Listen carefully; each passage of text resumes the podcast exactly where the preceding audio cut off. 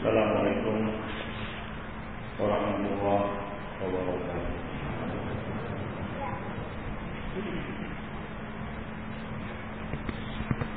الحمد لله.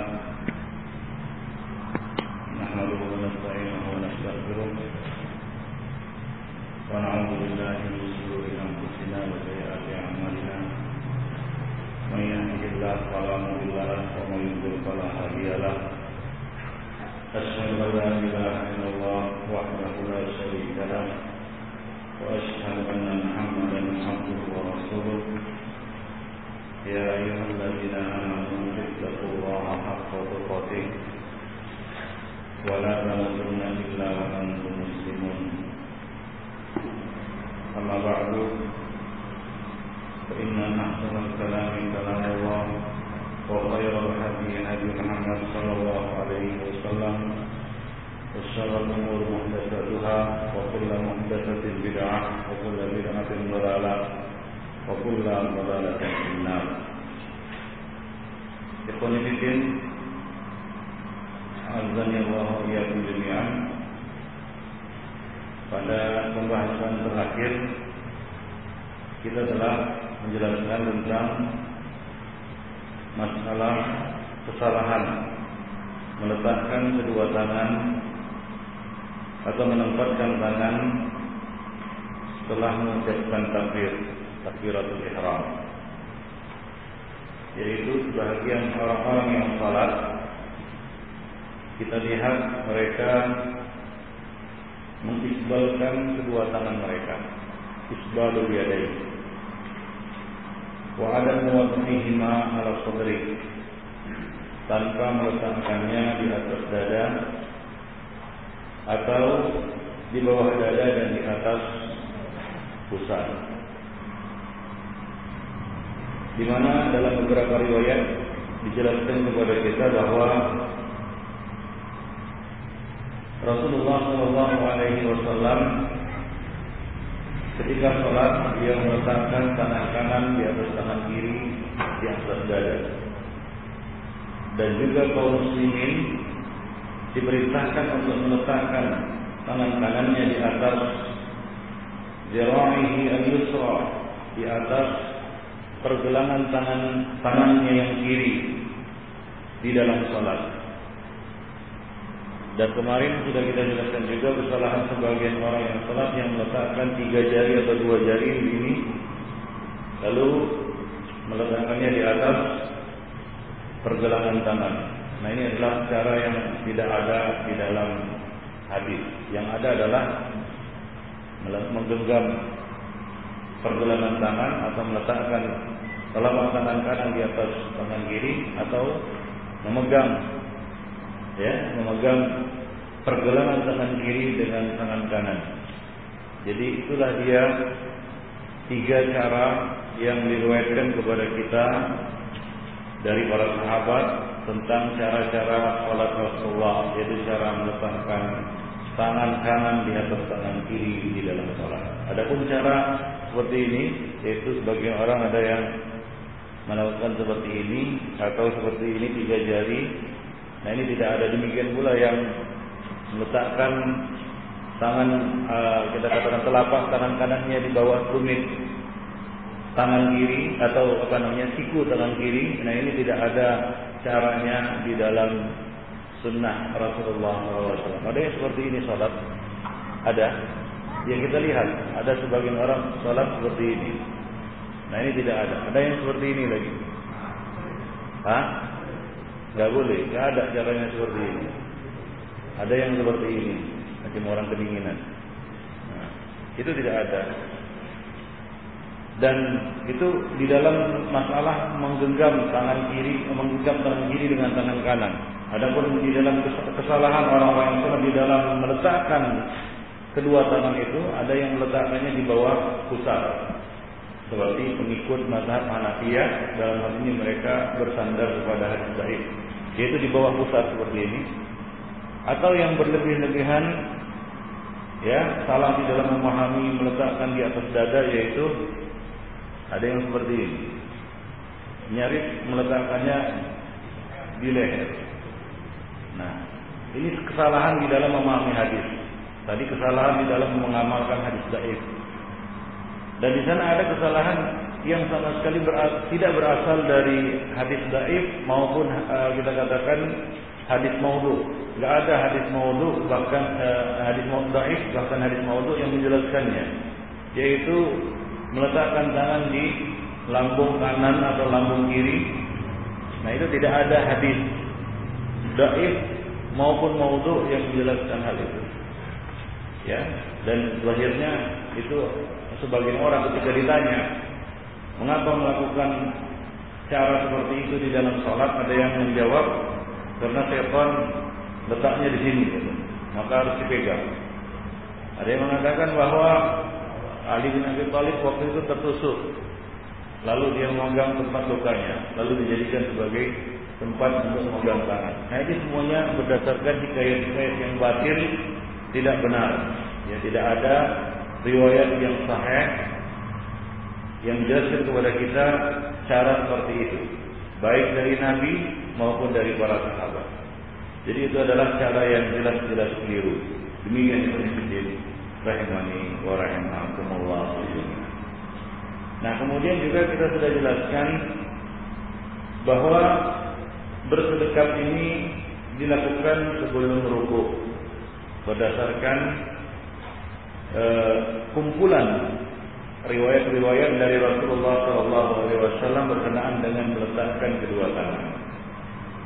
Dan tidak dilakukan setelah rukuk ya tidak dilakukan setelah rukuk karena kita bedakan antara berdiri sebelum rukuk dengan berdiri sesudah rukuk. Di antara perbedaannya adalah berdiri sebelum rukuk dibolehkan membaca.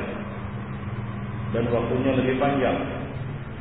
Adapun berdiri sudah rukuk ini tidak boleh membaca Al-Quran dan juga waktunya tidak lama. Dia adalah transisi antara rukuk dan sujud. Demikian. Itu pendapat yang wajib. Walaupun kita tidak menafikan adanya istilah di dalam masalah ini. Akan tetapi kalau kita ditanya mana pendapat yang rojih, maka kita memilih pendapat yang pertama, yaitu yang mengatakan tidak bersedekap pada iktidal atau saat iktidal. Ya. Nah, bagi, itulah dia kita katakan pelajaran pada pertemuan yang terakhir. Nah, kemudian kita akan melanjutkan kesalahan yang berikutnya yang dilakukan oleh orang-orang yang sholat adalah tarku doa il istiftah wal isti'adzah qabla al qiraah al fatihah tidak membaca doa istiftah. Artinya selalu tidak membaca doa istiftah. Kita katakan doa istiftah itu tidak wajib ya tidak wajib. Akan tetapi kalau ditinggalkan terus menerus, selalu meninggalkannya. Kalau dalam sholat-sholat yang ringan, di mana Rasulullah meringkasnya atau meringankannya, ya misalnya antara azan dan iqamah, di mana waktunya sangat sedikit, lalu seorang memutuskan untuk tidak membaca doa istiftah, maka ini bisa dimaklumi. Akan tetapi sebahagian orang atau banyak di antara kaum muslimin yang meninggalkan doa istiftah ini sampai di dalam sholat-sholat fardu. Nah ini adalah kesalahan.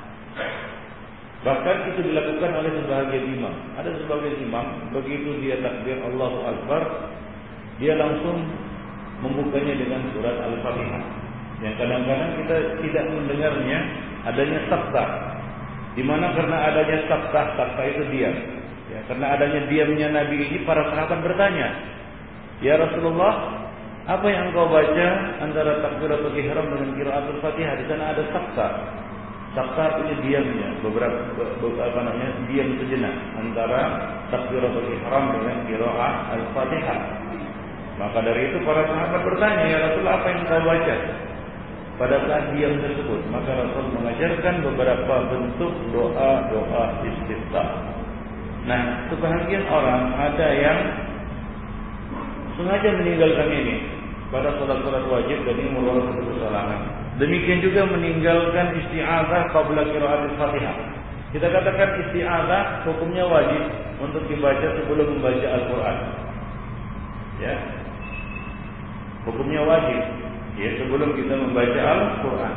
Dalilnya adalah firman Allah Subhanahu wa taala, "Wa fa idza al-Qur'ana fasta'iz billah."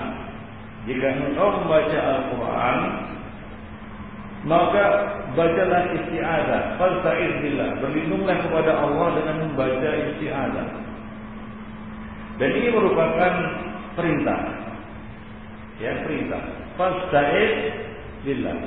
Itu adalah kata perintah.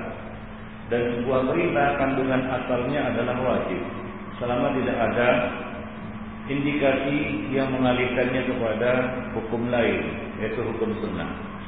Maka kita katakan dan kita ambil kesimpulan bahwa membaca isti'adah sebelum membaca Al-Quran hukumnya wajib dan ini merupakan pendapat yang masyhur di kalangan ulama-ulama Syafi'iyah dan pendapat yang dipilih oleh Ibnu Hazm.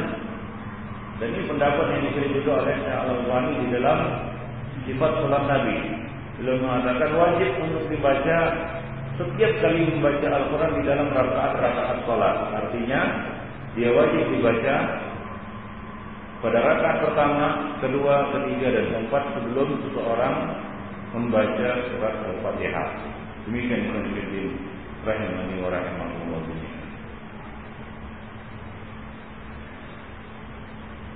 Kathirun min awami musallin yatrukuna doa doa al-istiftah bis-shalah wal isti'adah. Beliau mengatakan banyak orang-orang awam yang meninggalkan atau sengaja meninggalkan doa istiftah dan isti'adah ketika salat. Wa dzalika min mustahabbat salat. Dan istiftah termasuk perkara mustahab, disunnahkan, dianjurkan. Namun sebagaimana kita jelaskan tadi, kalau selalu ditinggalkan maka ini merupakan satu kesalahan. Adapun isti'adzah, fadzahir masyru'iyatul isti'adzah fi kulli raka'ah. Zahirnya adalah disyariatkan untuk dibaca atau diperintahkan untuk dibaca setiap rakaat berdasarkan firman Allah Subhanahu wa taala yang kita bacakan tadi. Baik. Nah, demikian Ibnu Fiddin rahimani wa rahimakumullah berkaitan dengan uh, kesalahan sebagian orang yang meninggalkan doa istiftah dan meninggalkan isti'adah. Nah, kemudian kesalahan berikutnya yang dilakukan orang-orang yang sholat setelah isti'adah adalah takrirul fatihah. Takrir al-fatihah. Mungkin ini terjadi pada sholat-sholat sir. Ya, ketika seseorang mengerjakan sholat sir, yaitu sholat dengan melirikkan bacaan, misalnya sholat zuhur, sholat asar, ya, di mana bacaan tidak digerakkan, dia sholat, dia sudah selesai baca Al-Fatihah, lalu dia ulang lagi baca Al-Fatihah. Atau dia ragu bacaan pertama, hingga dia ulangi bacaan Fatihah yang ke kedua. Nah ini was-was. Ada sebagian orang yang melakukan seperti itu karena was-was. Nah dia harus menyingkirkan was-was ini. Ada sebagian orang lagi, ada yang sengaja mengulang surat Al-Fatihah untuk mencari berkah dan ini adalah satu kesalahan. Ini bid'ah. Karena Rasulullah SAW hanya membaca sekali saja. Beliau hanya membaca satu kali surat Al-Fatihah itu di dalam salat. Kalaulah ya itu baik yaitu menambah keberkahan salat dengan mengulang-ulang surat surat Al-Fatihah, maka tentunya lebih baik membaca surat Al-Fatihah ya pada bacaan sudah Fatihah. Ya, ternyata kita disyariatkan untuk membaca ayat-ayat dan surat-surat yang lain sudah membaca surat Al Al-Fatihah. Jadi tidak disyariatkan bahkan merupakan kesalahan mengulang-ulang surat Al-Fatihah. Demikian. Dan dari situ dapat kita tarik satu kesimpulan bahwa imam tidak boleh mengulang surat Al-Fatihah sudah Al-Fatihah. Misalnya imam maju ke depan, dia cuma hafal surat Fatihah saja. Lalu dia membaca Alhamdulillahirobbilalamin sampai Amin. Ya, lalu apa yang dia baca? Dia nggak hafal kecuali surah Al-Fatihah. Maka para ulama mengatakan dia tidak perlu membaca surah Al-Fatihah itu lagi. Ya, dia boleh bertasbih, bertahmid, bertahlil, kemudian sujud. Dia tidak perlu mengulangi surat Al-Fatihah. baik seluruhnya maupun sebagian darinya. Paham? Seluruhnya maupun sebagian darinya. Misalnya apa? Sudah amin, lalu dia membaca Iya karena wudhu, iya karena saing dia ulangi dari dari pertengahan dengan niat untuk membaca ayat. Nah ini tidak boleh. Jadi surah Al-Fatihah dibaca satu kali di dalam satu rakaat. Nah demikian Ibn Fiddin. Azan ya Allah Yukrah lil musalli takrirul Fatihah kullan au ba'dan. Dimakruhkan membaca surat Al-Fatihah berulang kali, baik itu seluruhnya, mengulang seluruhnya ataupun se sebahagiannya. Li'annahu lam yunqal anhu sallallahu alaihi wasallam wala ashabuhu. Karena tidak pernah dinukil dari Rasulullah dan tidak juga dari sahabat-sahabat Rasulullah yang melakukan hal seperti ini. Wa hadza mazhabu jumhuril ulama wa alaihi al-a'immatul arba'ah. Ini merupakan mazhab jumhur ulama dan merupakan pendapat yang dipilih oleh imam yang empat. Wafi butlan sholat di khilaf. Dan bagaimana jika seorang mengulang-ulang surat Al-Fatihah? Apakah batal sholatnya? Nah di sini para ulama berselisih pendapat, berbeda pendapat. Wala a'lamu lahu dalilan. Bahwa qaulun indal hanabilah dan aku tidak mengetahui adanya dalil yang memutuskan ataupun yang menyatakan batalnya atau batilnya sholat orang tersebut. Dan ini merupakan satu pendapat di kalangan ulama-ulama Hanabilah. Ya, akhirnya tidak batal, ya cuma makruh. Ya mengulang-ulang surah Wa in karraraha sahwan saja dari sahwi illal Hanafiyah wa Syafi'iyah. Dan jika dia mengulang-ulanginya karena lupa, dia sudah membaca surah Al-Fatihah. Kemudian dibacanya lagi karena lupa maka menurut ulama-ulama Hanafiyah dan Syafi'iyah dia harus sujud sahwi. Wa kata ingkar roha amdan inda Syafi'iyah. Demikian pula menurut ulama-ulama Syafi'iyah jika dia mengulanginya dengan sengaja. Dia mengulang surah Al-Fatihah dengan sengaja. Menurut ulama-ulama Syafi'iyah dia harus melakukan sujud sahwi wa asam indal Hanafiyah dan menurut ulama-ulama Hanafiyah dia tidak perlu melakukan sujud sahwi tapi dia sudah terkena dosa. Ya, apabila dia membacanya mengulangi dengan sengaja. Wa alaihi adatus shalah rafil ismi dan menurut mereka pula dia harus mengulangi salat untuk menghilangkan dosanya. Ini menurut ulama-ulama Hanafiyah. Wa yuhram takriruha 'amdan indal Malikiyah Adapun menurut ulama-ulama Malikiyah, hukum mengulang Fatihah secara sengaja di dalam salat adalah haram. Ya, adalah haram. Walaupun kita katakan di luar salat, kita diperintahkan untuk memperbanyak bacaan Al-Fatihah karena dia adalah ummul Quran. Ya. Ummul Quran dan Rasulullah SAW sering membacanya dalam beberapa kesempatan. Namun di dalam salat, ya ketika berdiri makruh atau haram hukumnya. Kalau dia melakukan itu dengan sengaja atau dengan keyakinan bahwa mengulangnya adalah lebih baik. Ya, jika dia melakukannya dengan keyakinan seperti itu, maka dia telah melakukan satu perbuatan bid'ah. Wala tabdulu bihi shalah, akan tetapi salat tidak batal karenanya. Wa in karrara sahwan sajada sahwi. Dan apabila dia mengulang-ulanginya karena lupa, maka dia sujud sahwi. Wala'allahu rajih. Barangkali inilah pendapat yang rajih. Yaitu pendapat ulama-ulama malikiyah yang mengatakan haram jika dia mengulanginya dengan sengaja. Namun tidak batal salat. Jika dia mengulanginya karena lupa, maka dia harus melakukan sujud sahwi. Jadi intinya Ibn Fiddin, janganlah kita mengulang dua kali surat Al-Fatihah. Tidak seluruhnya, tidak pula sebahagian darinya ya, kasus yang disebutkan tadi seorang imam yang hanya membaca atau yang hanya menghafal surat Al-Fatihah, dia tidak boleh mengulangi pembacaan surat Al-Fatihah setelah Al-Fatihah. Dia harus cari bacaan yang lain. Atau kalau tidak bisa sama sekali maka dia cukup membaca surat Al-Fatihah dan rukuk. Nah, demikian Ibn Qibti. Kemudian kesalahan berikutnya di dalam sholat setelah pembacaan Al-Fatihah Nah, ada beberapa kesalahan di sana dalam membaca surah Al-Fatihah.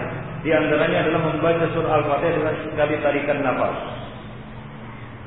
Nah, ini menyelisihi bacaan Nabi. Nabi membacanya dengan tartil dan dengan memanjangkan setiap ujung ayat. Misalnya beliau membaca Alhamdulillahirabbil alamin. Itu dibaca panjang. Dan ayat-ayat. Satu ayat demi satu ayat. Satu ayat demi satu ayat. Itulah bacaan Nabi ya ketika sholat. Ya bacaan surat Al-Fatihah yang dilakukan oleh Nabi di dalam sholat. Beliau membacanya ayatan-ayatan.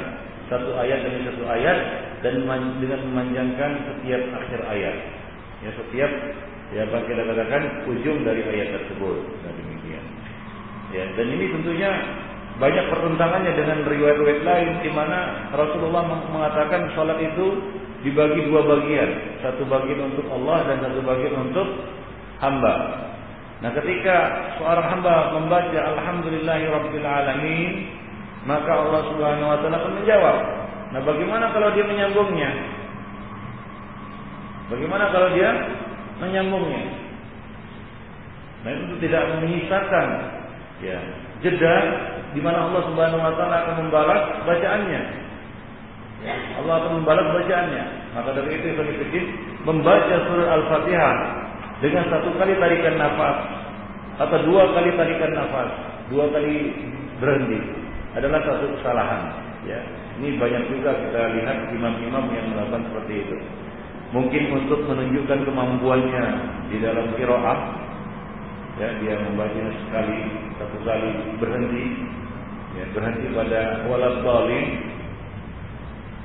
ada yang berhenti pada pertengahan.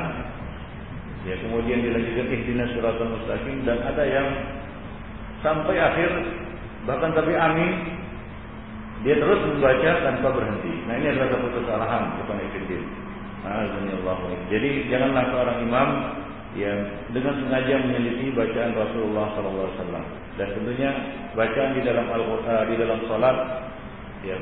Itu juga diperintahkan untuk ditadaburi ya. Perintah untuk tadabbur Quran bukan hanya bacaan di luar salat.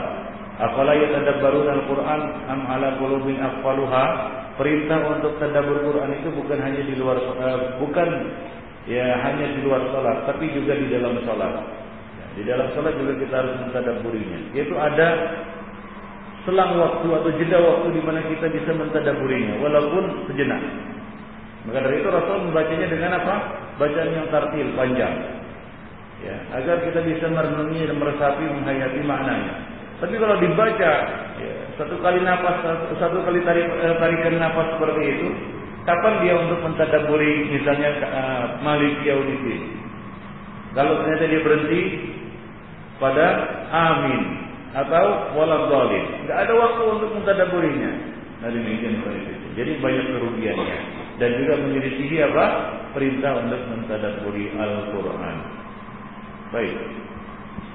Dan apakah itu berlaku juga untuk orang yang sholat sendirian? Ya. Itu juga berlaku untuk orang yang sholat sendirian. Misalnya antum sholat sendirian, sholat malam misalnya, tengah malam, antum mengeraskan bacaan, atau antum sholat maghrib sendirian dan safar atau sholat isya maka ini juga berlaku yaitu antum harus membacanya seperti bacaan yang kita sebutkan tadi ayatan-ayatan memotong setiap ayat. Nah kemudian kalau bisa dipanjangkan. Ya kalau tidak bisa panjangkan dia sesuai dengan harokatnya yaitu dua harokat. Itu paling paling apa? Paling minimal. Ya paling rendah paling cepat. Nggak boleh satu harokat. Alhamdulillahirobbilalamin itu salah. Secara bacaan atau secara hukum kiraah itu juga sudah menyala. Artinya juga bisa salah. Nah demikian. Baik. Dan juga sebagai imam membaca surat Al-Fatihah ini tidak fasih. Sebagian merubah-rubah huruf. Ya, alamin jadi ngalamin. Kalau di Pakistan mereka tidak bisa menyebutkan bab selalu berubah menjadi zat. Jadi mereka mengatakan ghairil maghdubi alaihim waladdallin gitu. Nah, ini hendaknya ya, para nadir-nadir masjid memilih orang yang fasih bacaannya. Kalau enggak ada lagi itu ma'zur. Tapi kalau ada yang fasih maka janganlah menyorong atau memajukan imam yang lahan yang lahan di dalam membaca. Lahan artinya dia tidak pasti di dalam mengucapkan makhraj huruf. Karena itu bisa merubah arti ikhwan Bisa merubah arti. Ya. Kalau seorang misalnya nggak bisa membaca ain, ya, selalu terbaca apa? Ngain kan gitu ya. Alhamdulillah Rabbil ngalamin ya. Nggak ada di dalam bahasa Arab ngalamin. Huruf ang nggak ada di dalam bahasa Arab. Nah, misalnya orang-orang Turki nggak bisa bilang kaf, selalu berubah menjadi ca, cul, incana katanya. Nggak bisa dia. Nah, orang-orang di Thailand, ya, orang-orang di Thailand tidak bisa bilang jim, selalu berubah menjadi ya, ibnu Maya, nggak bisa jadi ibnu Majah, nggak bisa. Nah, ketika dia membaca Al-Quran, lahan seperti ini akan terbawa. Ya, maka seorang hendaklah berusaha untuk memfasikkan lisannya. Ya, ketika membaca Al-Quran. Dan kalau tidak bisa juga dan tidak ada orang yang fasih untuk menjadi imam, maka itu darurat. Tapi selama ada orang yang fasih, maka itu harus dimajukan. Para ulama berbeda pendapat tentang sholat di belakang orang yang lahan. Apakah harus mengulang sholatnya? Nah, di situ ada perinciannya. Mungkin dalam kesempatan lain kita jelaskan. Ya, mengenai sholat berjamaah nanti ada di sini. Baik. Nah demikian pula termasuk kesalahan di dalam pembacaan surat Al-Fatihah ini adalah para imam yang senantiasa dan selalu meninggalkan bacaan Bismillahirrahmanirrahim. Tidak pernah sama sekali dia membuka surat Al-Fatihah dengan Bismillahirrahmanirrahim. Ya memang Rasulullah Shallallahu Alaihi Wasallam selalu atau kebanyakannya membuka surat Al-Fatihah itu dengan Alhamdulillahirabbil alamin. Tapi dianjurkan bagi para imam untuk ya sesekali waktu membukanya dengan Bismillahirrahmanirrahim. Karena Nabi Shallallahu Alaihi Wasallam melakukannya. Nah, dalam hal ini para imam dituntut untuk ya kita katakan mengerti sunnah ini.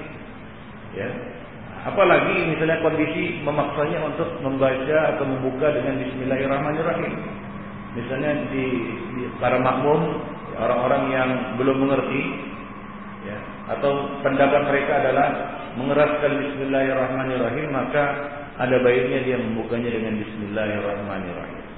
Nah, ada sebagian orang yang menganggap bid'ah membuka surat Al-Fatihah di dalam salat dengan Bismillahirrahmanirrahim. Anggapan ini adalah keliru. Bahkan dianjurkan untuk para imam agar sesekali waktu membuka surat Al-Fatihahnya dengan Bismillahirrahmanirrahim. Adapun mengeraskan isti'adzah a'udzubillahi minasyaitonirrajim maka ini tidak ada riwayatnya dari Nabi. Zahirnya adalah beliau membacanya dengan sir. Karena kalau beliau mengeraskannya pasti riwayatnya sudah sampai kepada kita. Wallahu a'lam Nah, itu berkaitan dengan bacaan surat Al-Fatihah. Kemudian kesalahan berikutnya adalah raf'ul basari ila sama awin nazar ila ghairi makanis sujud. Mengangkat pandangan ke langit atau ke atas atau an-nazar ila ghairi makanis sujud, melihat selain tempat sujud. Wa min akhta'il musallin di antara kesalahan orang yang salat adalah raf'ul basar ila sama. Mengangkat pandangan ke atas. Awil nazar ila imam atau melihat kepada imam. Au anil, yamin wa shimal. Atau melihat menoleh ke kanan dan ke kiri. Mimma yusabbibu as-sahw. Wa hadisun nafsi. Yang mengakibatkan dia lupa. Dan hadisun nafsi. Hatinya berbicara ataupun uh, kita katakan uh, ngelantur ke sana kemari. Ya tentunya di dalam sholat kalau antum selingak selingkuh ke kanan ke, ke kiri maka hati juga akan berpaling. Waqad warada al-amru bi khafdil basar. Dan telah ada perintah untuk menundukkan pandangan. Wan nazar ila mawdi'is sujud dan melihat ke tempat sujud. Illa fi halatil julus litasyahud kecuali ketika duduk tasyahud.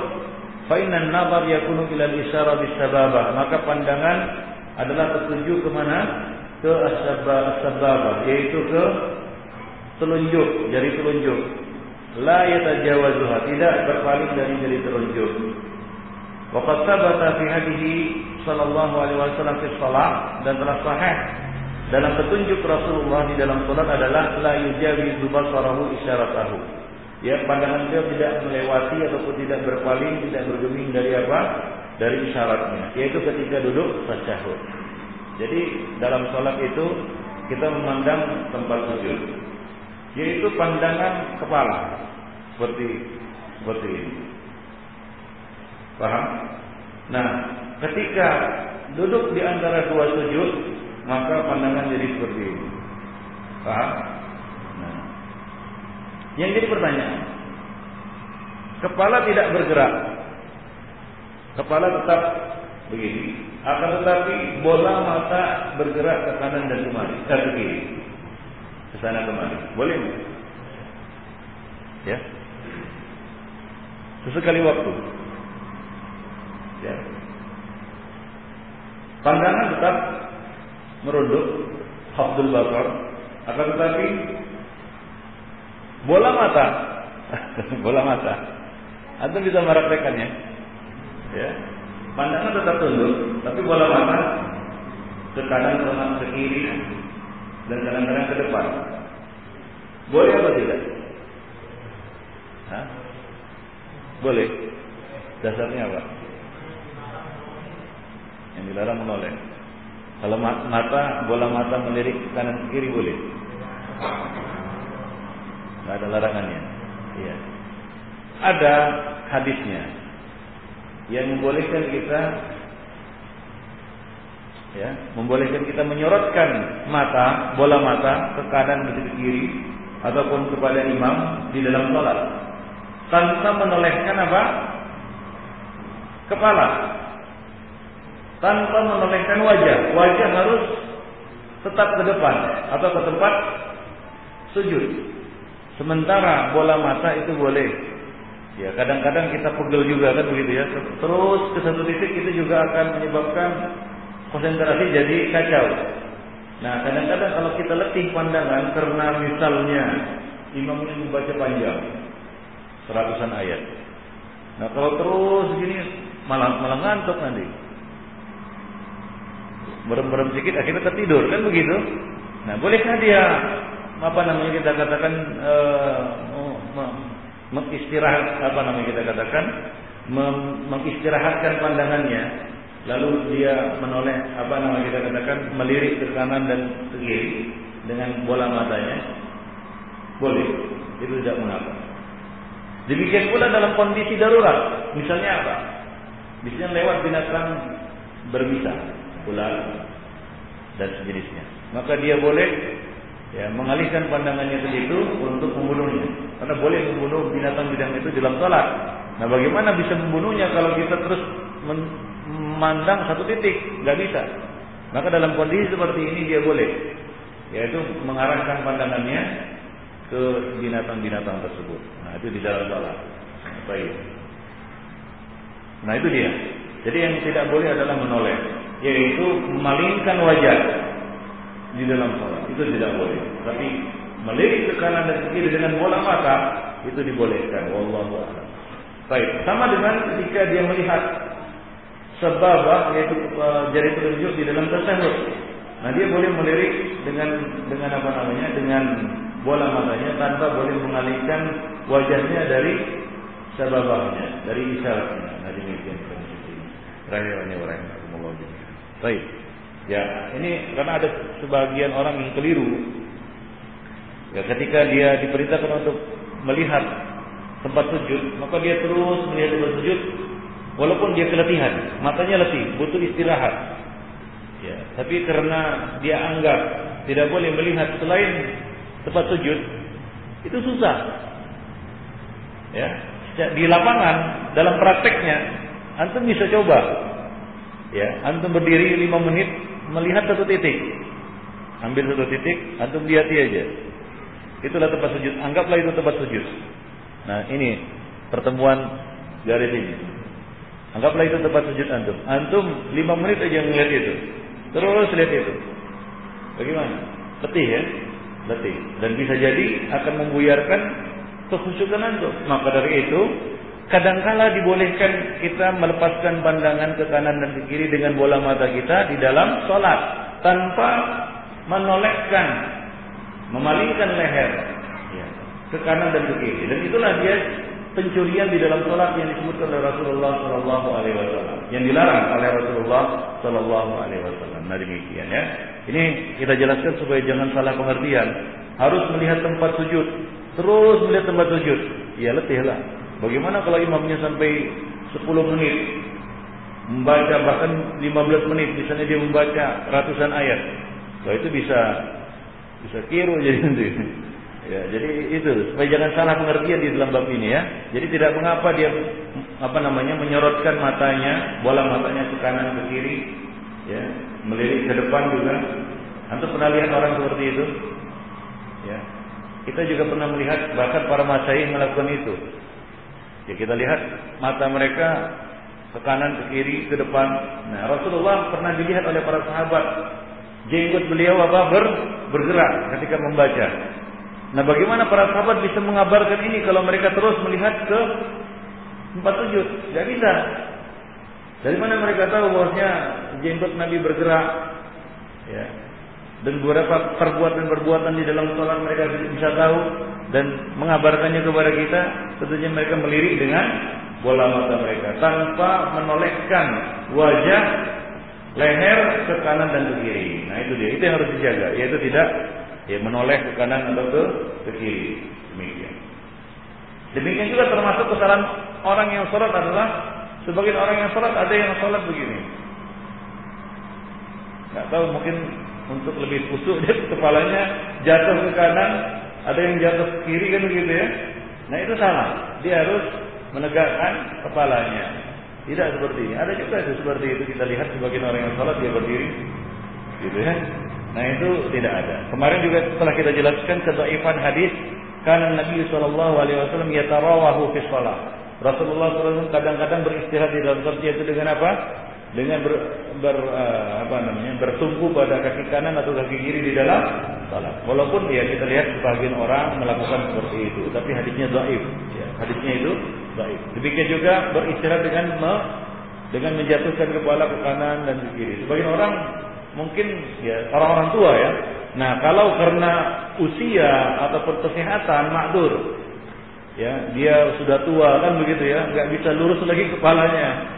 Ya mungkin itu mahdur. Ini kita lihat sebagian anak-anak muda atau orang yang masih sehat, belum tua, belum lanjut usia, tapi sengaja. Ya sebagian ini gini gitu kan gitu supaya kayaknya kelihatan khusyuk. Nah ini salah, ya tidak boleh. Baik. Wasuila al-Iz bin Salam ayu hujjah liman yaqul Iz bin Salam pernah ditanya Ayu hujjah lima yakul. Apa hujjah, apa alasan bagi orang yang berpendapat yustahabbu lil musalli ayam fi rukuhi ila qadamihi. Apa dasarnya? Apa alasannya pendapat yang mengatakan dianjurkan bagi orang yang sholat ketika ruku untuk melihat kakinya. Nah, sebagian orang ketika ruku ada yang melihat apa? Kakinya, bukan tempat sujud. Jika kepalanya merunduk seperti ini, melihat kaki. Nah, itu tidak ada. Nah, beliau mengatakan, wa fi sujudihi ila anfihi. Lalu ketika sujud dia melihat hidungnya. Wa fi qudihi ila wa fi qudihi ila hajrihi dan ketika sujud, ketika duduk ke pangkuannya, hajrihi pangkuan. Kan begitu? Ada yang seperti itu.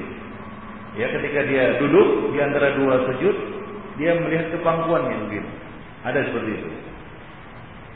Ya, min hadisin au asarin au hikmah. Adakah hadis, asar ataupun hikmah? Fa'ajaba fil fatawa manasuhu. Maka beliau menjawab di dalam kitab Al-Fatawa sebagai berikut. Laisa hadza qawlan sahihan wala hujjata liqailihi min kitabin wala sunnatin wallahu alam. Tidak ada walaisa hadza qawlan sahihan. Perkataan ini atau pendapat ini tidak benar.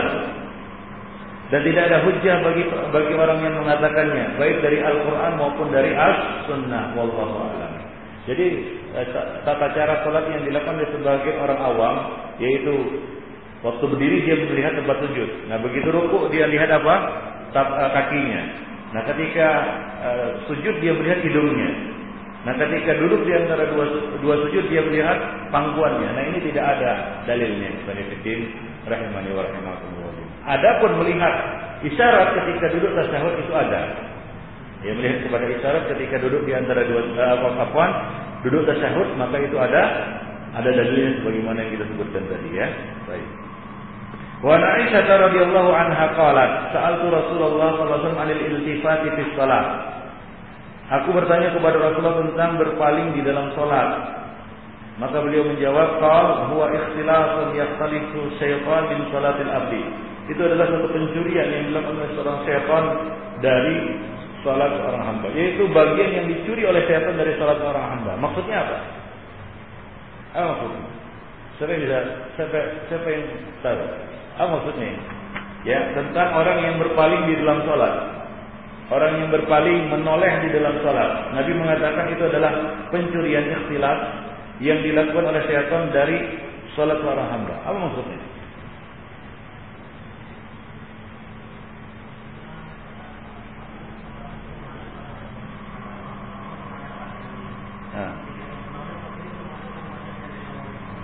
Ya, itu pencurian dari apa namanya pencurian yang dilakukan oleh setan dari sholat seorang hamba. Apa maksudnya? Yaitu pahala. Hingga berkurang pahalanya. Sebagaimana dalam hadis lain dijelaskan bahwa ada orang yang sholat lalu keluar dari sholatnya riwayat Ahmad dan hadis yang sahih. Lalu keluar dari sholatnya dia tidak membawa bagian dari sholatnya kecuali setengah. Ada yang seperempat, ada yang seperlima, ada yang bawa cuma seperenam, sepertujuh, seperdua puluh. Nah, kenapa sholatnya berkurang pahalanya cuma jadi setengah? Nah, salah satunya adalah pencurian yang, dilakukan oleh syaitan adalah yaitu dengan apa? Dengan memaksa seorang hamba itu berpaling, yaitu menoleh ke kanan, ke kiri, ke atas dan lain sebagainya. Nah, itu maksudnya. Jadi berkurang begitu sekali ya menoleh berkurang diambil oleh syaitan bagian. Nah, demikian Ibn Fiddin rahimani wa. Baik, maka kalau dia terus menerus berpaling, bisa jadi apa? Habis. Begitu dia keluar dari sholat, habis sholatnya. Dan kalau dia terus berpaling dari awal sampai akhir, dia nggak ada. Habislah. Itu adalah pencurian yang dilakukan oleh syaitan dari sholat seorang hamba. Ya sekali berpaling dia mungkin tercuri berapa? Mungkin berapa ya? Sepuluh sepuluh. Nah, begitu ya dia memperbanyak berpalingnya bahkan mungkin dia cuma membawa sepertiga ataupun mungkin hanya membawa apa uh, seperdua puluh ataupun seperseratus dari sholatnya. Ke mana selebihnya? Ya mungkin hilang karena hal-hal ini. Demikian yang saya rahimahnya wa rahimahullah baik Wa Rasulullah sallallahu alaihi wasallam wa an Anas radhiyallahu anhu qala qala Rasulullah sallallahu alaihi wasallam ma balu aqwamin yarfa'una abusarohum ila ila samai fi salatihim. Mengapa ada sebagian orang yang mengangkat pandangan mereka ke langit di dalam salat? Fastadda qawluhu fi dzalika hatta qala layanta yanta la yantahunna dzalika aw la la taqtaf la tuqtafan la. Hendaknya ketika eh, mereka terus melakukannya maka Rasulullah SAW mengatakan itu memberikan peringatan yang lebih keras. Beliau mengatakan hendaknya mereka berhenti melakukannya atau pandangan mereka akan tercabut ataupun tersambar, terambil, itu hilang. Ya, itu bisa buta. Para para ulama mengatakan di sini bahwa bisa menyebabkan kebutaan. Yaitu kalau antum dalam sholat melihat ke atas maka ancaman di dalam hadis ini yaitu tuktafanna absaruhum yaitu bisa tercabut pandangan mereka. Para ulama menjelaskan tercabut di sini bisa berarti pandangan mereka ya tidak bisa lagi melihat dan membedakan yang hak dan yang yang batin. Atau bisa tercabut dalam arti kata apa? Tercabut. Artinya buta atau rabun atau rabun sebagaimana ancaman bagi orang yang mendahului imam yaitu apa diganti kepalanya menjadi kepala keledai nah ini dipahami secara tekstual, yaitu apa? Eh, bisa diganti, dirubah menjadi apa? Kepala keledai. Dan boleh juga ini dibawakan, kepada makna-makna yang yang lain, tapi tidak menafikan. Ingat, tidak menafikan bahwasanya orang yang melakukannya bisa bisa apa? Berubah kepalanya menjadi kepala keledai. Bukan tidak mungkin. Demikian. Itu artinya ini adalah ancaman yang paling maksimal bagi orang yang melakukannya. Demikian pula ancaman terhadap orang yang mengangkat pandangannya ke langit atau ke atas di dalam salat, maka bisa terancam pandangannya diambil. Ya tersangka dia akan dicabut, yaitu dia menjadi buta. Demikian yang itu. Baik. Wa Nabi Hurairah radhiyallahu anhu anna Rasulullah sallallahu alaihi la yantahiyanna aqwamun an rafi absar an rafihim absarahum inda du'a fi shalah ila as-sama' aw la tustafanna absaruhum Hendaklah orang-orang itu berhenti mengangkat pandangan mereka ketika doa di dalam salat ke langit. Nah ini sering Rasulullah SAW ini menyebutkan doa di dalam salat. Misalnya di dalam ah, doa kunut misalnya, kunut witir. Dan ini berlaku untuk salat fardu dan salat sunnah. Ya. Pernah saya saksikan langsung itu di dalam salat di Masjidil Haram kalau yang lihat live ya. Waktu doa kunut memang sahdu kan begitu ya. Jika sebagian orang ketika mengaku ini, nah itu di dalam salat dia mungkin nggak sadar. Dia di dalam salat sangkin apa namanya, sangkin kusuknya ya, atau sangkin apa namanya kita katakan hebatnya doa itu ya, menyentuh hatinya hingga dia kadang-kadang mengangkat wajahnya pandangannya ke langit dia nggak sadar. Sebagian orang awam melakukannya atau sebagian orang-orang jahil melakukan seperti itu ya saking semangatnya dia di dalam doa kunut itu kan kalau imamnya membaca doa kunut apalagi di malam-malam terakhir kan begitu ya apalagi yang bawakannya sulit kan begitu ya sebagian orang melakukan apa mengikut doa dan mengangkat apa namanya wajah mereka ke langit nah ini salah di dalam salat. Dan Rasul menyebutkan ini. Indah doa fi salat. Ketika doa di dalam salat. Dan salah satu tempat doa di dalam salat adalah kunut. Jadi di dalam kunut nazilah. Ya ketika kita berdoa. Mendoakan orang-orang kafir. Ya, dan mendoakan bagi orang-orang Islam. Para mujahidin. Tidak boleh kita mengangkat wajah telahnya. Nah demikian. Di dalam salat.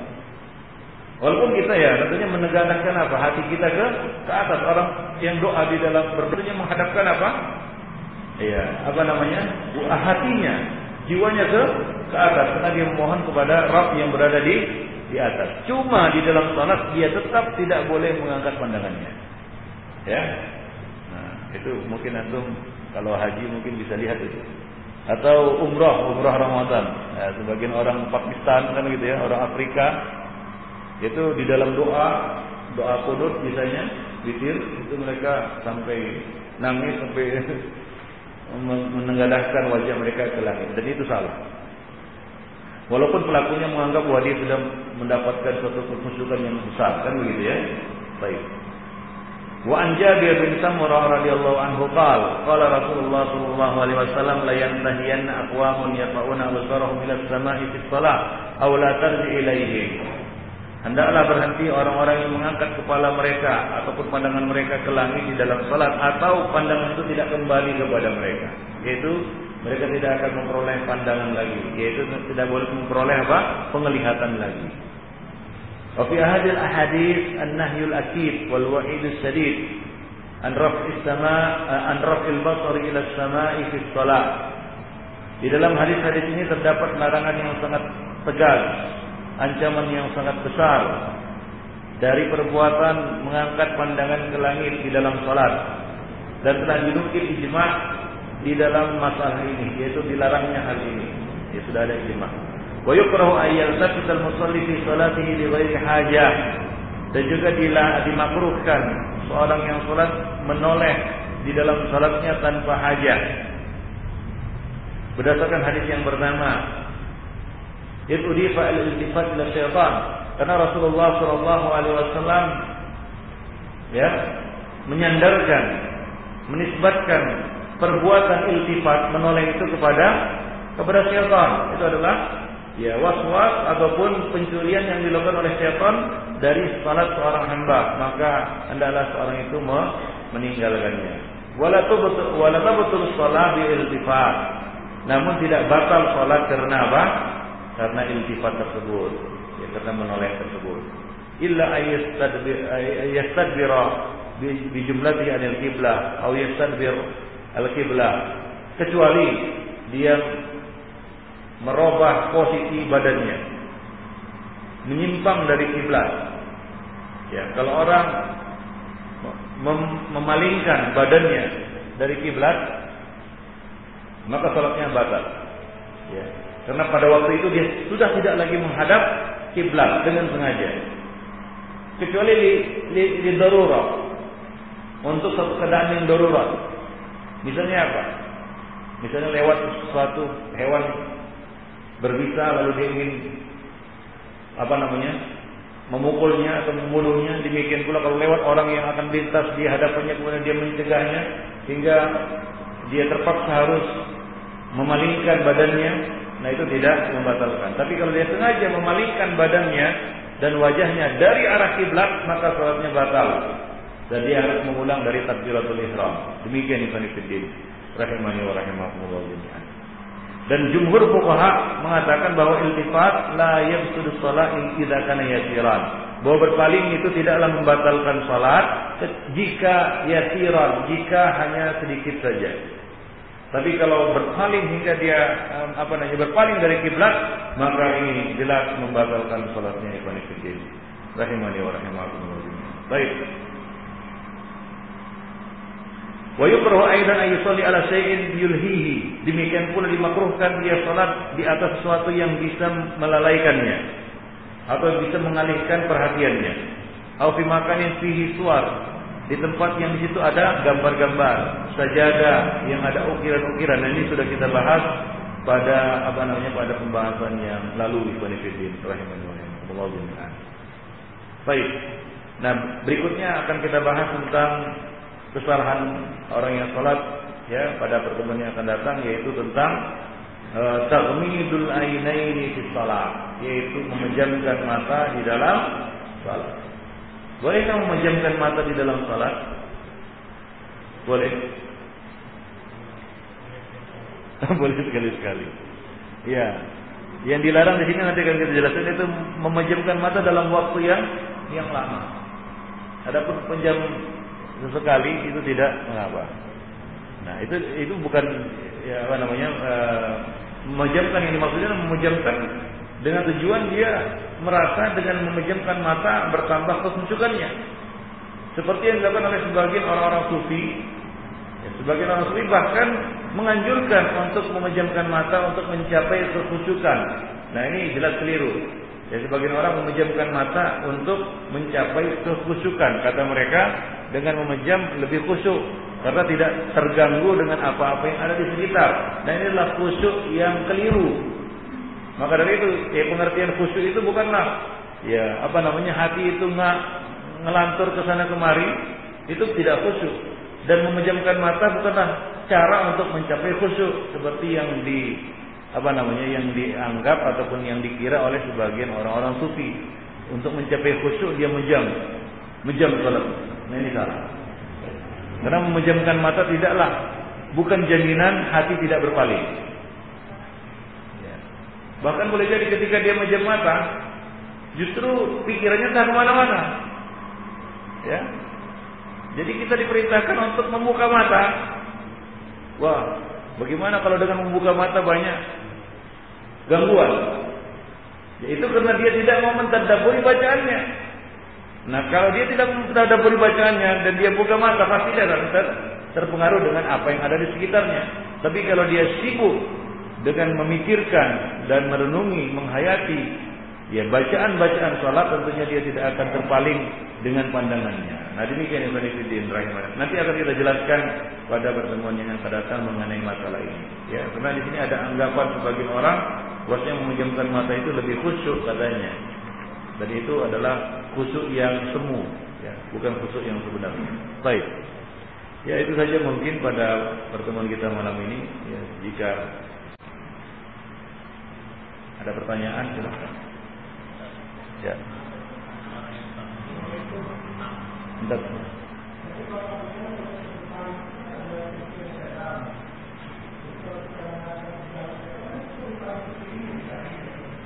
Apa? Gimana? Berpaling. Hmm. Iya.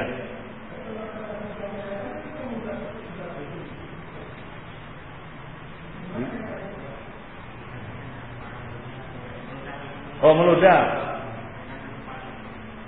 Meludah. Kalau kita perlu meludah di dalam sholat, ya, kita perlu meludah dalam sholat, maka itu kondisi yang darurat. Maka kita meludah ke sebelah sebelah kiri. Itu untuk satu kondisi darurat atau hajat. Sebagaimana kita sebutkan tadi, kalau misalnya ada ada binatang yang lewat atau ada orang yang berusaha untuk lewat di hadapan kita, bolehkah kita berpaling sejenak untuk menyelesaikan urusan itu? Boleh? Boleh. Dan itu tidak apa namanya? mengurangi salat kita. Dan itu bukan dari setan. Ya dari setan adalah berpaling tanpa hajat. Ya, sebagian sebagian orang dia telinga kanan, telinga kiri tanpa hajat dan itu yang bisa mengurangi sholatnya. Akan tapi untuk satu kepentingan misalnya dia perlu untuk meludah, maka dia meludah yaitu ke ke kaki kiri, ya ke bawah, ya ke sebelah kiri.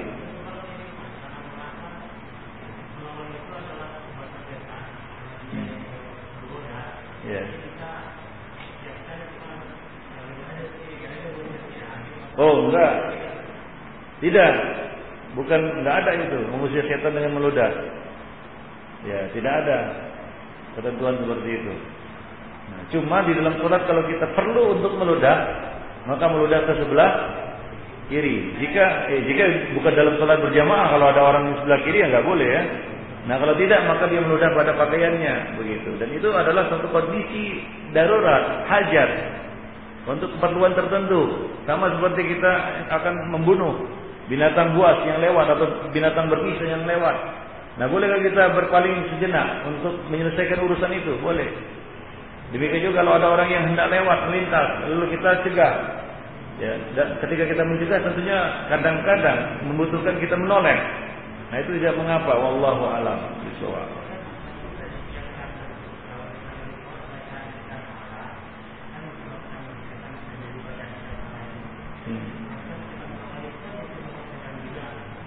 Enggak ada, enggak ada. Enggak ada itu. Ya. Ya, paham Pak? Ah.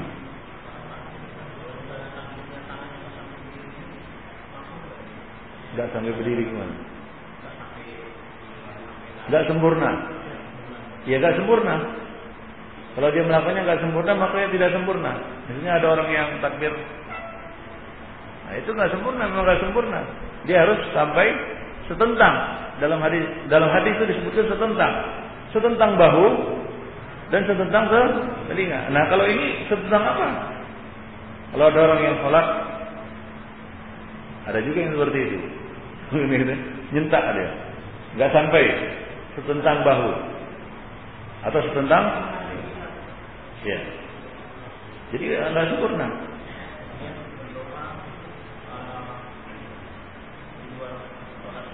berdoa di luar sholat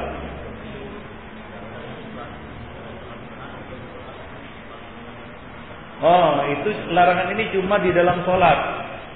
Berdoa di dalam sholat yang dilarang mengangkat kepala ke atas. Di luar sholat boleh. Di luar sholat silakan antum mengangkat kepala ke atas, melihat ke atas, nggak jadi masalah. Artinya nggak dilarang. Di luar sholat, di dalam sholat nggak boleh. Nah itu dia. Ya. Nah. Paham ya? Larangan tadi Larangan me, apa namanya menengadahkan pandangan ke langit ya di, di, uh, dalam berdoa di dalam sholat bukan di luar di luar sholat di luar sholat tidak mengapa Baik. ya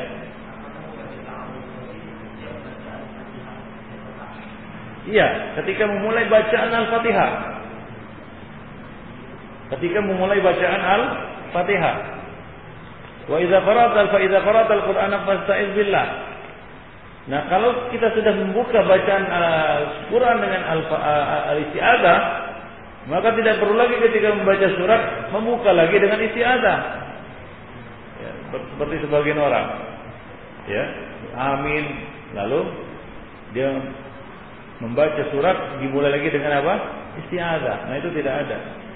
Ya, awal ya, ketika dia mulai membaca. Ya. Mati lampu. Lampu.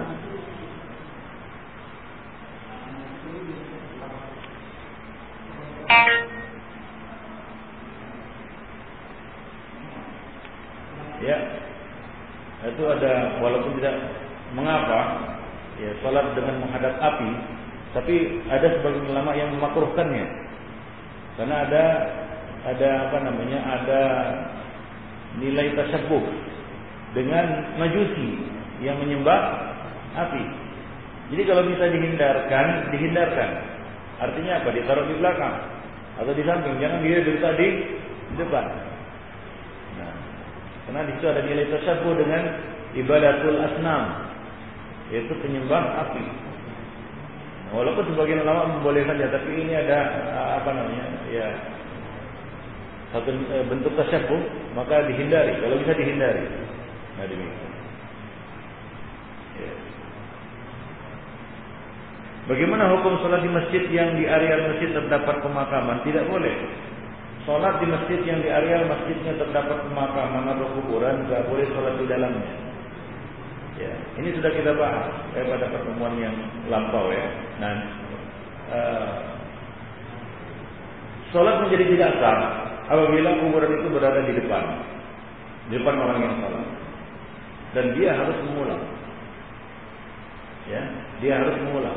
Kalau kuburan itu ada di depan orang yang salah kalau ada di kanan dan di kiri dan di belakang para ulama berbeda pendapat apakah dia harus mengulang salat atau tidak rajih adalah dia tidak perlu mengulang salat jika dia tidak tahu ya ya dia tidak tahu ternyata ada kuburan dan kuburan ternyata di kanan di kiri atau di di belakang. Wallahu Tapi jika kuburan itu didapatnya di hadapannya, maka dia mengulang salat. Wallahu Ini adalah perincian yang disebutkan oleh para ulama di antaranya Syekhul Islam Ibnu Taimiyah dan Imam Ahmad.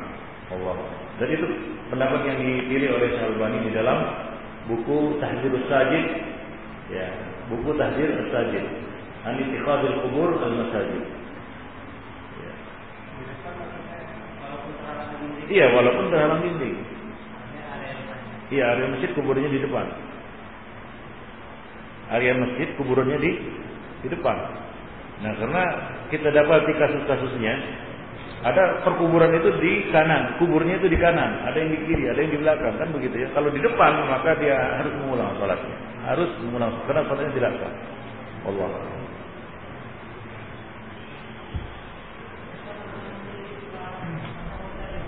Ya. Dari awal tasawuf hingga akhir karena beliau tidak memalingkan pandangan beliau dari isyarat. Apa? La yujawizu basarahu isyaratahu. Pandangan beliau tidak melewati atau tidak bergeming, berpaling dari apa? Dari isyarat. Dan isyarat itu dari awal duduk tasawuf sampai akhir. Ya sampai salam. Sampai assalamualaikum, assalamualaikum, kanan kiri. Paham? Ah.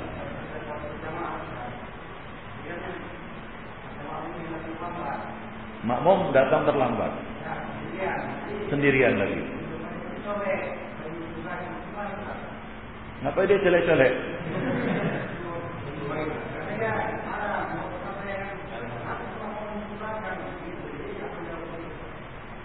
Ya.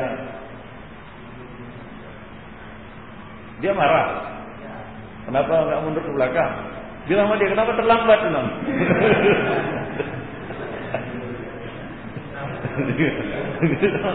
kenapa terlambat?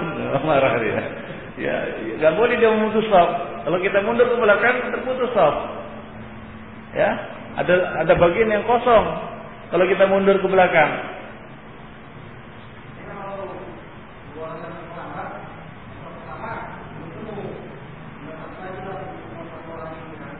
Ah, iya. Ah. Sholat berjamaah. Sholat pertama hampir penuh, tinggal satu tempat. Datang dua orang kan begitu. Nah, terus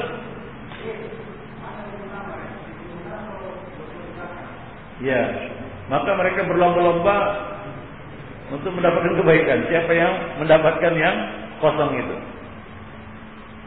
Diisi yang kosong itu, kemudian yang kalah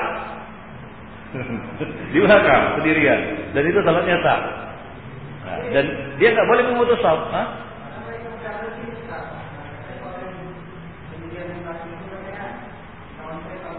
Oh enggak, enggak ada itu. Enggak ada. Ya, enggak ada hadis itu. Ya. Adapun hadis yang sahih adalah larangan bersop sendirian di belakang. Ya. Dengan catatan sop pertama belum penuh. Maka dia batal sholatnya, dia harus mengulang sholatnya. Tapi jika kondisinya, kasusnya, sop pertama atau sop di depannya sudah penuh, maka dia tidak mengapa bersop sendirian di belakang. Walaupun sampai sholat selesai. Nah demikian. Dia tidak boleh memutus sop. Dengan apa? Menarik orang yang di depan ke ke belakang. Kan rusak saf di depan. Nah, kemudian kita juga akan menjauhkan orang itu dari apa? Keutamaan. Dia dapat di saf pertama dan utama, lebih utama kan begitu ya. Lalu kita tarik dia ke saf kedua. Itu merugikan dia. Itu enak di kita, tidak enak di dia, kan begitu. Makanya kalau dia marah bilang, "Kenapa terlambat?" kan begitu. Nah, ya. Ya, supaya bisa terlambat lagi kan gitu. Nah. Makmumnya dua orang. Nah. Imamnya satu ya, nggak mungkin imamnya dua. Nah. Pergi. Ya. Yang satu Ah, ya bagus juga. Jadi imam makmum dua orang. Nah, kemudian imam satu. Iya betul, betul betul betul. Terus uh, setengah main makmumnya satu batal. Ah. Iya. Itu ada dua kemungkinan, Ada dua kemungkinan. Kemungkinan ini yang lebih besar. Yaitu apa? Imamnya mundur.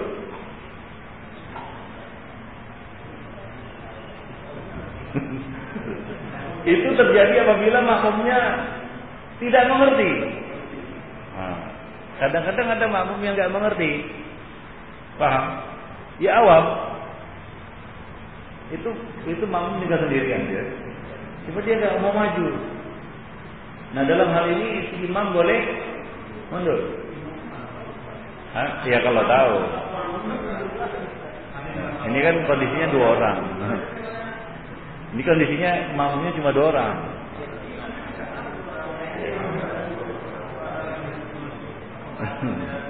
ya, entar loh kita kita ini kemungkinan, ini kan kemungkinan kita katakan. Kemungkinan pertama seperti itu. Nah, kalau makmumnya tidak mengerti, maka imamnya yang mengalah mundur ke. Tapi kalau makmumnya mengerti, ha? iya makanya saya bilang kalau mak, imamnya makmumnya nggak ngerti, dia nggak mau maju ke depan, apa yang harus dilakukan? Apakah mereka sholat seperti itu sampai akhir? Nah, itu kondisi yang lain. Nah, itu kondisi yang lain. Ya makanya kita dulu, kita ikuti dulu penjelasan ini sampai habis gitu. Jangan dipotong-potong setengah-setengah ya. Nah, kalau kalau makmumnya ini tidak paham dan dia tidak mau maju, tidak mau merapat, tidak mau merapatkan saf, ya, maka si imam boleh mengalah, yaitu dia yang mundur ke ke belakang. Ini kasusnya dua orang yang makmumnya ya. Nah kalau si makmumnya mengerti maka si makmum yang merapat ke ke depan. Itu asalnya. Pernah terjadi kiasnya ya pada pada masa Rasulullah yaitu Ibnu Abbas. Ibnu Abbas Ibnu Abbas dia nggak ngerti. Lalu dia mengambil posisi di sebelah kiri. Apa yang dilakukan oleh Rasulullah? Ya, ini posisi makmum nggak ngerti ini. Dia ambil posisi yang yang salah. Ini kiasnya ya. Dia ambil posisi yang salah, sebelah kiri. Sebelah kiri. Gimana ya? Ini saya boleh pakai display ya. Nah ini imamnya. Seharusnya kan di sini ya makmum ya. Betul? Ya. Nah, Ibnu Abbas ngambil di sini. Ini imam. Bukan yang ini. Apakah kalau antum mendapatkan kondisi seperti ini, apakah antum biarkan imam uh, makmum itu terus di situ sampai salam? Saya tanya dulu. Tidak. Apa yang harus dilakukan? Ya, imam terpaksa berkorban melakukan gerakan memutar si makmum ke kanan. Memutar si makmum ke, ke kanan. Nabi meraih telinga siapa? Ibnu Abbas lalu memutar ke kanan. Nah ini lihat kondisi. Saya bilang lihat kondisi kenapa? Ya karena Ibnu Abbas waktu itu kecil. Kalau ada yang di sampingnya tua orang besar, tua lagi, anda pegang ke kupingnya Habis salah habis salah disambar ya. Ya apa? Maksudnya kalau ini kondisinya makmumnya nggak ngerti ini ya apa? Makmumnya nggak ngerti. Nah kalau ada orang yang nggak ngerti, antum sholat sendiri ya gitu ya, masuk orang lain di sebelah kiri, dia nggak tahu. Tapi dia bukan anak-anak, orang tua gitu, gitu. Apakah antum pegang kepalanya atau kupingnya lebih pindah ke kanan, atau antum yang bergeser ke sini? Ya bergeser, boleh. Jadi dalam kondisi maksudnya makanya dalam kondisi seperti ini si imam boleh mengalah. Kenapa? Karena si makmum tidak paham.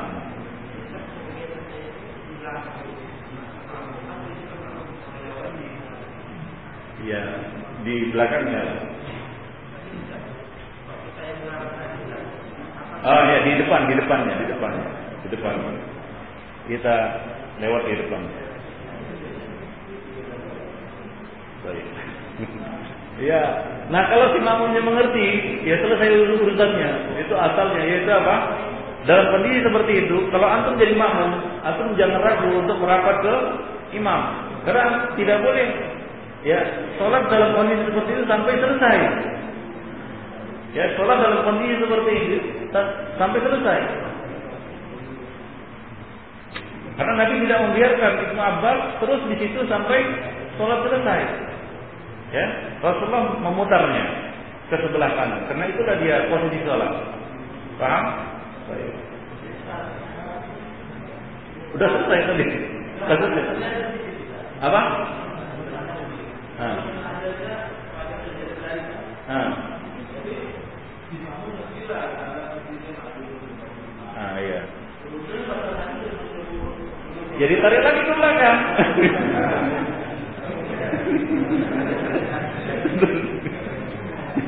Dia tadi ke. Makanya sebelum saat belajar dulu kan.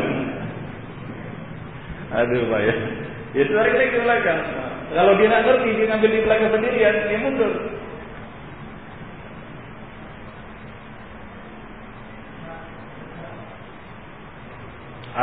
Antar ini ada ada ini, ada pertanyaan. Adakah larangan membasuh kaki dengan tangan kanan ketika wudhu atau di luar wudhu? Tidak ada. Tidak ada larangan membasuh kaki dengan tangan kanan di dalam wudhu. Yang dilarang adalah beristinja dan istijmar dengan tangan kanan. Ya. Apakah boleh dikiaskan membersihkan bagian yang lain dengan tangan kanan? Ya kita katakan kalau bisa ya kita katakan menghilangkan najis atau kotoran membersihkan itu dengan tangan kiri maka lakukan. Ya, di situ ada mungkin ada nilai lebih. Tapi melarang itu tidak ada, tidak ada larangan. Allah Yang ada larangan adalah memegang kemaluan, beristinja dan istijmar dengan tangan kanan. Antum mengupil boleh nggak dengan tangan kanan? Hah? Apa? Iya. Karena bisa kita kiri. Tapi kalau untuk membersihkan hidung apa namanya telinga telinga kiri, eh, telinga ya telinga kiri, agak susah juga. Dia. Jadi gak, gak ada larangan, gak ada. Jawabnya gak ada larangan. Yang ada larangan nasnya adalah beristijmar, awan beristijah dan istijmar dan memegang kemaluan dengan tangan kanan. Dalam dua salat dalam salat dua rakaat, baik salat fardu atau sunat, apakah duduk di rakaat terakhir termasuk tawarruk atau iftiroz? Jawaban singkatnya adalah iftiroz. Penjelasan secara rinci nanti akan datang di dalam buku ini. Wallahu Baik. Ya.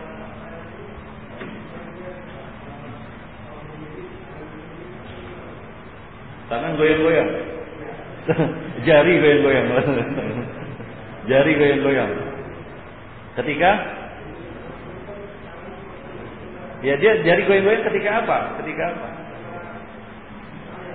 Nah, tasyahud. Nah, terus? Nah, ya. Ah, ya, ya. Untuk yang pertama, ya, menggerak-gerakkan jari itu ada hadisnya. Hadis Wa'il bin Hujur ada tambahan wa yuharrikuha dan tambahan ini adalah tambahan yang sahih. Jadi dia menggerak-gerakkannya. Ada dalilnya. Menggerak-gerakkan tangan. Ya, itu yang pertama. Yang kedua, mengenai bertumpu ketika bangkit. Ya. Nah itu ada hadisnya, hadis Nasai, hadis Al-Ajin fi. Karena Rasulullah ya'jin fi. Ya'jin artinya mengadon, itu posisi tangan seperti mengadon, mengadon tepung. Bagaimana orang mengadon tepung? Yaitu bisa begini, ya, dan bisa begini. Ya, kadang mengadon begini, kadang-kadang juga be begini. Jadi dua-duanya boleh. Karena di dalam bahasa Arab, lisan Arab, lisannya orang Arab, al-ajan itu ya seperti ini dan seperti ini. Jadi dua-duanya boleh. Nah, asal jangan seperti ini kan itu. itu mau bela diri dia. Ah ya.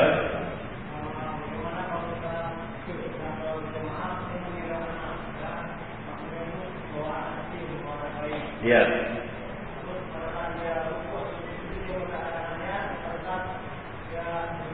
Ah. Ya, boleh. Boleh dia mengerjakan sholat sambil menggendong anak. Boleh. Walaupun dia terpaksa melakukan gerakan di luar gerakan sholat seperti yang menggendong, meraih dan meletakkan anaknya untuk satu keperluan seperti itu boleh. Ya, tidak masalah.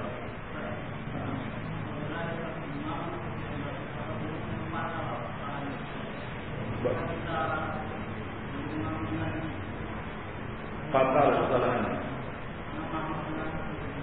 Ya, pada dasarnya Orang-orang seperti ini tidak boleh jadi imam. Karena Rasul memerintahkan kita untuk memilih apa? Akra'ukum. Ya. Falia ummakum falia ya ummakum akra'ukum. Ketika ketika ada dua orang pemuda yang ber, apa namanya bermukim bersama Nabi beberapa hari atau 20 hari kemudian mereka hendak pulang Nabi mengatakan kepada mereka berdua wal ya ummakuma akra'ukuma hendaklah yang dalam satu riwayatnya hendaklah yang mengimami salah seorang dari kalian berdua adalah yang paling akra, yang paling bagus bacaannya. Jadi yang paling bagus bacaannya. Kalau kondisi di mana tidak ada lagi yang bagus kecuali dia dan itu juga lahan itu makdur.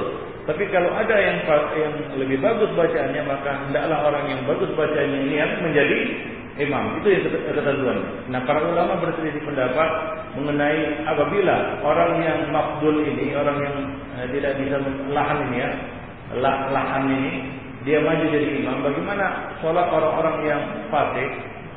Ya, orang-orang yang fasik, apakah batal atau tidak? Nah, ini ada mahlul khilaf, ada pendapat di kalangan ulama. Ada yang mengatakan sholatnya diulang, ada yang mengatakan tidak. Allah alam nanti akan kita jelaskan pada pertemuan yang akan datang. Nah itu di buku apa namanya tuntunan sholat berjamaah. Karena nggak bawa bukunya nanti dijelaskan itu ada kesimpulan ya mengenai imam-imam yang lahar. Dan ini masalah sebenarnya musibah. Salah satu musibah di antara musibah-musibah sholatnya kaum muslimin pada hari ini.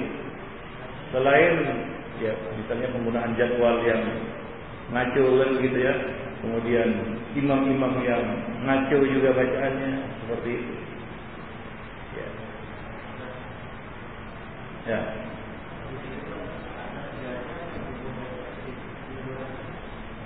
Di atas dada, dadanya ini di atas. Iya, di atas dada. Jadi meletakkan telapak tangan kanan di atas telapak tangan kiri. Bagaimana ya? Seperti ini. Di atas dada. Kemudian memegang pergelangan tangan seperti ini. Ya, kemudian meletakkan tangan kanan di atas pergelangan tangan kiri seperti ini. Dia dia boleh meletakkan di atas dada atau antara dada dan pusar. Antara dada dan di atas pusar, ini pusar, di bawah dada seperti ini. Adapun sebagian orang yang bagaimana kita katakan yang berlebih-lebihan sampai di sini, nah ini nggak ada ini, nggak ada dalil seperti itu atau salah di dalam memahami sebenarnya. Lebih tepat mereka salah di dalam memahami. Ya, di atas dada seperti ini.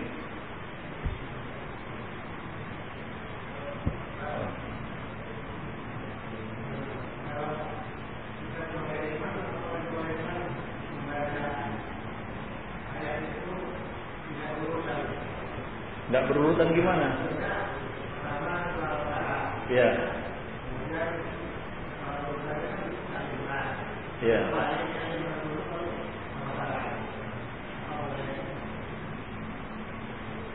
Ya, uh, bukan syarat ya. Dan Nabi pernah melakukannya. Beliau membaca Al-Baqarah, kemudian setelah Al-Baqarah, An-Nisa.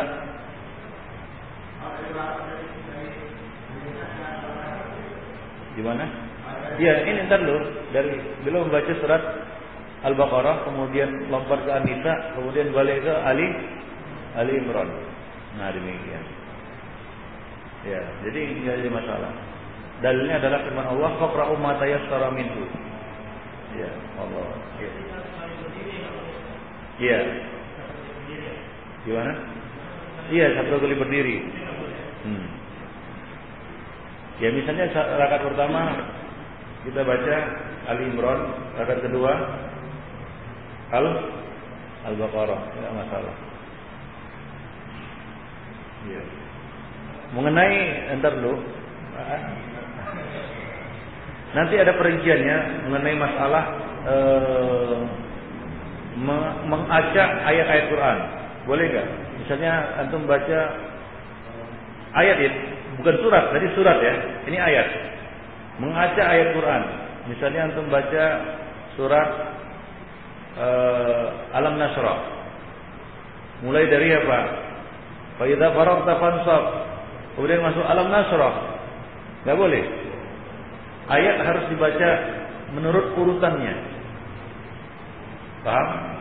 Ayat harus dibaca menurut urutannya. Adapun surat, nah, karena adanya dalil dari Rasulullah bahwasanya beliau membacanya tidak berurutan, maka akhirnya boleh. Wallahu a'lam. Ya. Nah demikian. Nah, itu yang terakhir nih, merah jambu.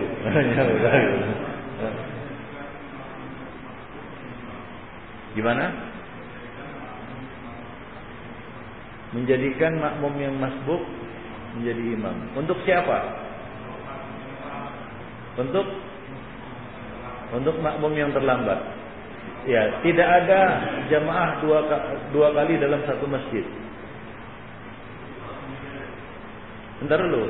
Tidak ada dua jemaah dalam satu masjid. Nah, kalau sholat berjamaah sudah selesai, maka imam antum sholat sendirian di situ atau pulang ke rumah.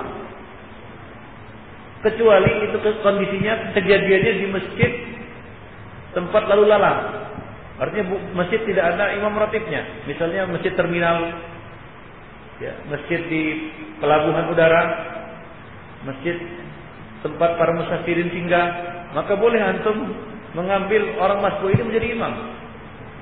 Dan boleh di sana dibuat ber, salat berjamaah berkali-kali. Walaupun apa namanya lebih dari dua kali, tiga kali datang lagi berjamaah lagi nggak apa-apa. Itu uh, masjid-masjid yang tidak ada atau musola atau masjid yang tidak ada tempat apa namanya imam khatibnya. Seperti misalnya musola di atau masjid di pinggir jalan tempat para musafir singgah orang-orang yang safar seperti misalnya di Cengkareng. Cengkareng ada tempat sholat di bawah itu kan? Pernah ke Cengkareng? Tidak pernah ke Cengkareng. Di bawah ada tempat sholat itu atau di musola kan begitu ya, tempat sholat. Nah itu kan datang satu buat jemaah, datang lagi yang lain buat jemaah itu nggak mengapa. Paham? Kalau itu di masjid yang ada imam ratibnya seperti di sini, maka akhirnya nggak boleh. Antum mengambil orang yang masuk menjadi imam. Kebalikan apa?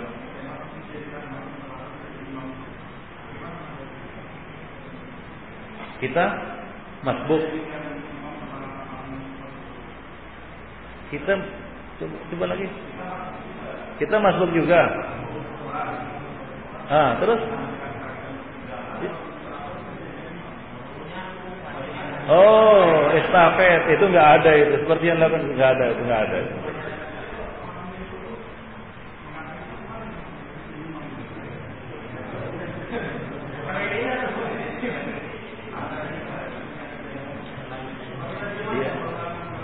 Ya, apa boleh dikata?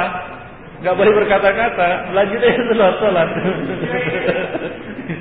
ya. Lanjutkan aja terus sholat selesai.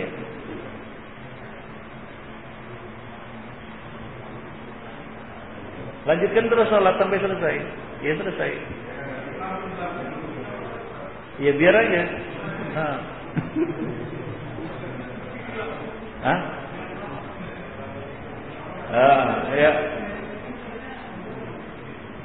Ya, rojihnya lah, rojihnya. Tidak boleh nanti ada di sini membuat jemaah dua kali dalam satu masjid untuk imam uh, masjid yang ada imam ratibnya.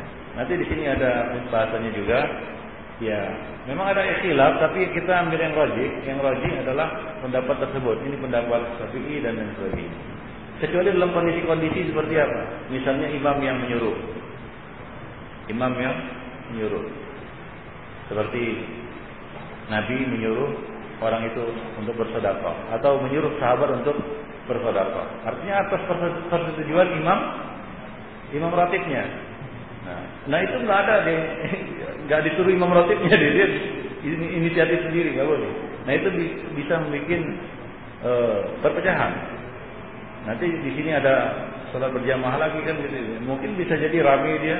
Nah itu akan membuka peluang orang-orang yang terlambat untuk menunggu dan sengaja untuk terlambat. Nah jadi rajinnya itu tidak boleh membuat jemaah yang kedua di masjid yang sudah ada imam ratibnya. Nah itu yang rajin. Ada beberapa asar di mana para sahabat dahulu ketika melihat mereka melihat imam sudah selesai maka mereka pulang. Artinya mereka sholat di rumah. Atau boleh sholat di masjid yaitu sholat sendiri-sendiri. Nah demikian. Ya. Dia selesai langsung semua. Selesai. Dengan selesai sholat. Apanya? Ya enggak lah. Dia sholat sendiri, sholat sendiri.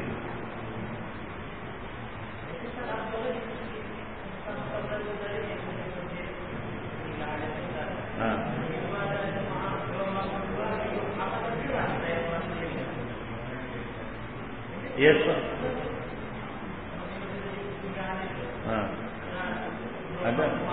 Ya lebih bagus. Disitulah berlaku hadis sholat apa namanya berjamaah lebih utama 27 kali lipat atau 27 derajat atau 25 derajat dari sholat sendirian. Untuk sholat fardu yang di masjid tadi ya nggak nggak bisa itu.